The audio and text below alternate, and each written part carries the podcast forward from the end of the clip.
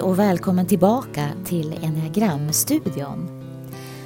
Den här sommaren vill jag bjuda in dig till en sommarspecial.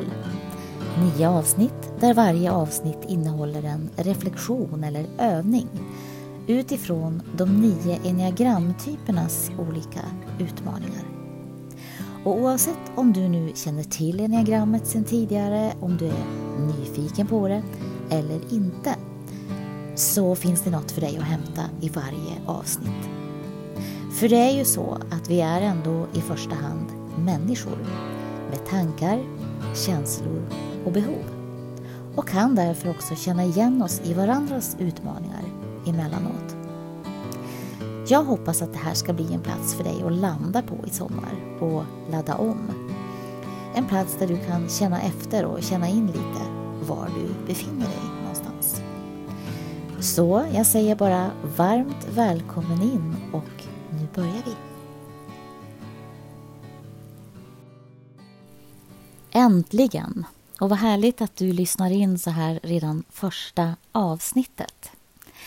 Vi ska börja med en gång med att prata om förbättraren, ettan och eh, ettans stora utmaning och det man kallar för akilleshäl inom enneagrammet. Akilleshälen hos ettan är vrede eller bitterhet. Och det hör du ju direkt att det är ju ingenting som bara en strategi av de här nio kan, kan ha eller känna. Utan det känner vi ju alla. Alla människor har vi någon slags tillgång till våran vrede. Och vi har fått den också av en, en eller många anledningar. Den ligger i vår överlevnadsinstinkt för att vi ska kunna eh, reagera och sen agera. Så tack vare att vi kan känna ilska, vrede så kan vi sätta stopp. Vi kan sätta gränser mot ondska eller saker som händer som vi upplever är fel eller som inte får, får ske eller hända. Och um, vreden innehåller också... Det finns mycket energi i vreden. Det vet du om. När du blir arg så känner man det liksom i hela kroppen. Man får som en adrenalinkick om man blir riktigt arg. Och, och det där ger också en slags kraft. Och man kan säga att med ett annat ord att det finns en passion i vreden. Och man har sett att människor som har bättre tillgång till sin ilska eh, har ofta ett större driv också att nå sina mål än de som inte har kontakt med sin vrede. Så att det, det hänger ihop lite grann. Och om du tänker efter, om du vill någonting riktigt, riktigt, riktigt mycket så är du villig på något sätt att pressa på lite hårdare. Eh, och du kan till och med tillåta dig att bli lite arg och lite sådär, nej men nu. Nu minsann ska det hända, nu har jag väntat tillräckligt länge. Så det finns mycket kraft att hämta i vreden. Jag tänker också att det är bra att komma ihåg att Ja, men jag tänker så här, en människa som är riktigt, riktigt, riktigt ursinnig, då kanske en del tänker att här handlar det om någon slags hat eller... Men om vi tar ordet hat så tror jag inte egentligen att det finns någon människa som i grunden bara känner hat plötsligt, utan det finns ju någon underliggande orsak till det här hatet som ofta handlar om en eh, rädsla men det kan också vara sorg. Alltså man blir arg därför att man är besviken. Man blir, eh, eh, eller man blir arg för att man är rädd. Så bakom ilskan finns också svar att hitta varför vi reagerar som vi gör i olika situationer. Tillbaka till förbättraren då. Förbättraren har ju ett litet dilemma som hör ihop med att ja, men förbättraren har ju sin strategi därför att den vill göra rätt och det är ett sätt att säkerställa trygghet och acceptans i livet på något sätt. Så länge jag gör rätt så kan ju ingen anklaga mig på samma sätt. Eller jag, då, då är jag trygg så länge jag håller mig på mattan och gör som det förväntas eller som jag ska. Eh, men så ibland så blir man arg och besviken som sagt på omgivningen som kanske inte då ställer upp eller gör lika mycket eller gör fel enligt förbättraren. Och när den då blir arg så kan den inte riktigt ge uttryck för den så där tydligt utan istället så försöker förbättraren trycka undan sin ilska och sin vrede. Oftast därför att man har lärt sig någonstans från barndomen eller hört från barndomen att ilska är liksom inte en lika accepterad känsla. Eh, ilska, vrede är inte riktigt rumsrent på något sätt. Vilket gör att många ätter då ja, men, försöker, eller ettan försöker trycka undan sin ilska istället för att ge uttryck för den på ett tydligare sätt. Och då blir det som med en tryckkokare att man trycker ner det där men det pyser ut i alla fall.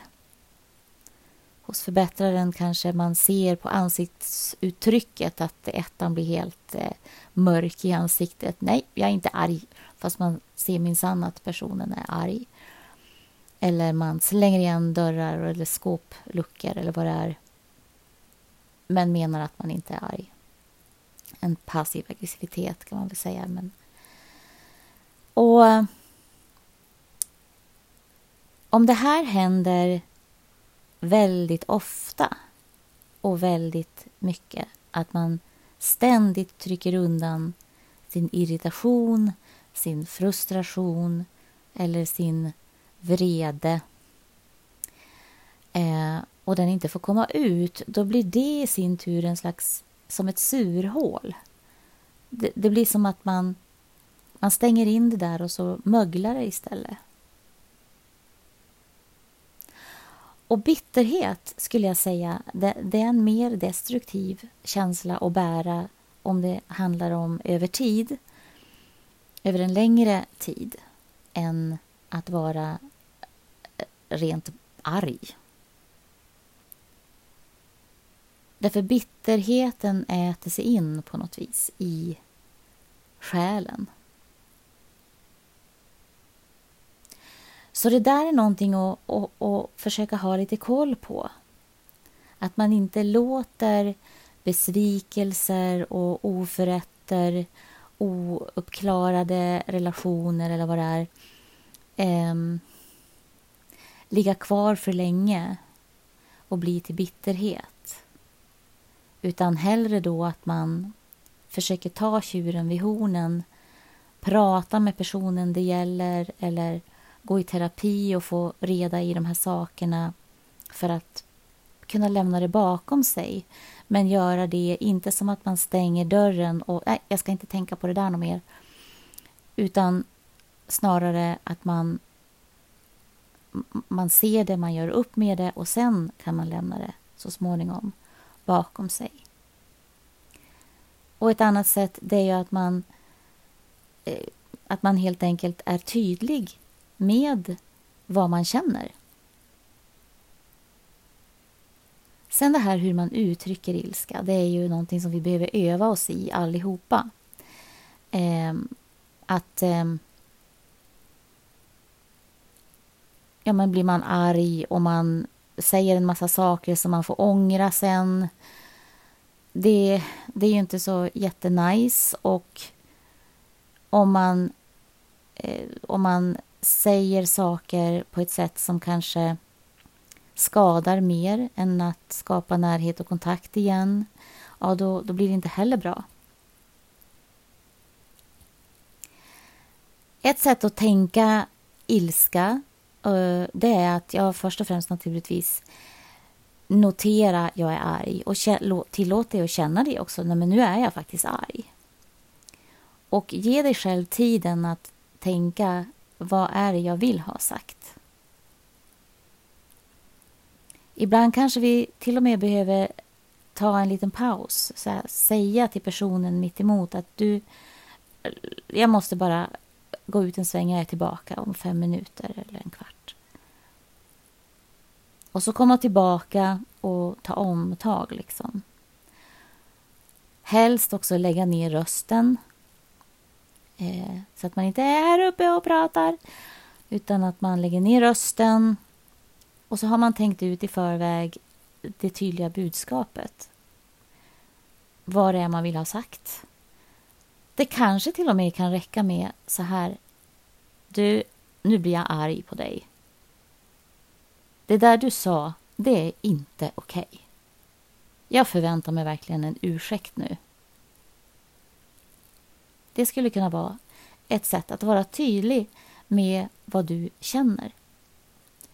Och jag tror att du kommer mycket längre med den metoden än med en massa långa meningar. Och framför allt kanske du kommer längre med det än med att trycka undan den här vreden och försöka på något sätt låtsas som att den inte finns. Du mår så mycket bättre när du får erkänna det du känner och sätta ord på det på ett tydligt och klart sätt. När det gäller vrede, och då tänker jag för oss alla i allmänhet det här jag sa om att det finns en slags passion i vreden, det finns en kraft och en energi.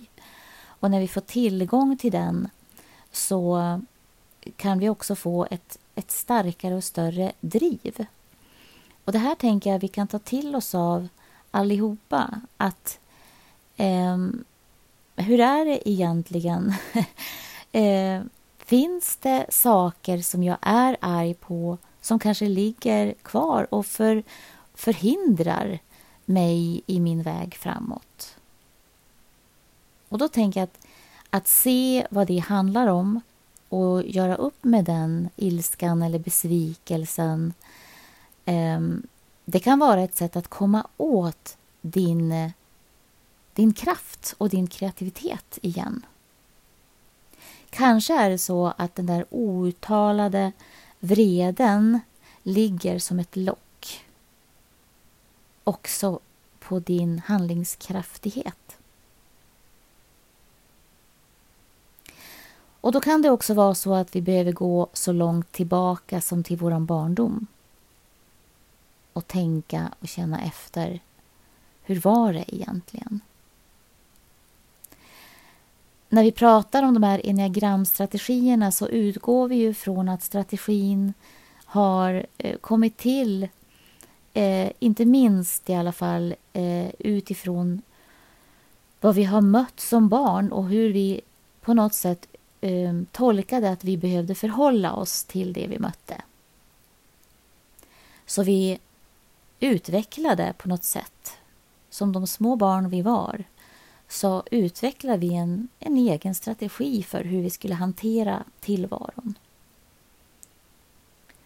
Och hos ettan så kan det ju ha varit så att ändra att det var väldigt stökigt och kaosigt runt omkring så att ettan kände att det var upp till ettan att skapa ordning och reda. Att se till att man kom i tid till skolan eller kanske till och med att ens syskon kom i tid till skolan eller att se till att städa innan det kom folk för att det var ingen vuxen som tog hand om hemmet ordentligt. Men det kan också ha varit det motsatta, att man, att, att man kände ett krav på att allt måste göras på ett speciellt sätt, att det var hög disciplin och så. Och att det, var, det blev på något sätt viktigt för, en egen, för ens egen trygghet på något sätt att se till och göra rätt så att man inte fick någon dålig min eller dålig kommentar eller kanske till och med i vissa fall bestraffning för att man inte gjorde som man var tillsagd eller som man visste att man borde ha gjort eller skulle ha gjort. Eh, om du känner igen dig i något av det här så är det viktigt att ge det där lilla barnet en, en, eh, en bekräftelse från dig som vuxen nu. Att jag ser ju det där nu. Jag ser ju nu att det var så här till exempel. Och jag, jag, jag var ju bara ett barn.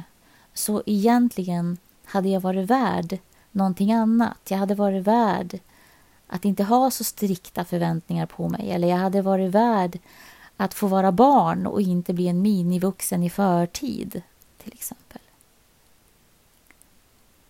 Och genom att se dig själv och ge dig själv den bekräftelsen så tänker jag att du kan börja läka det där lilla barnets sår.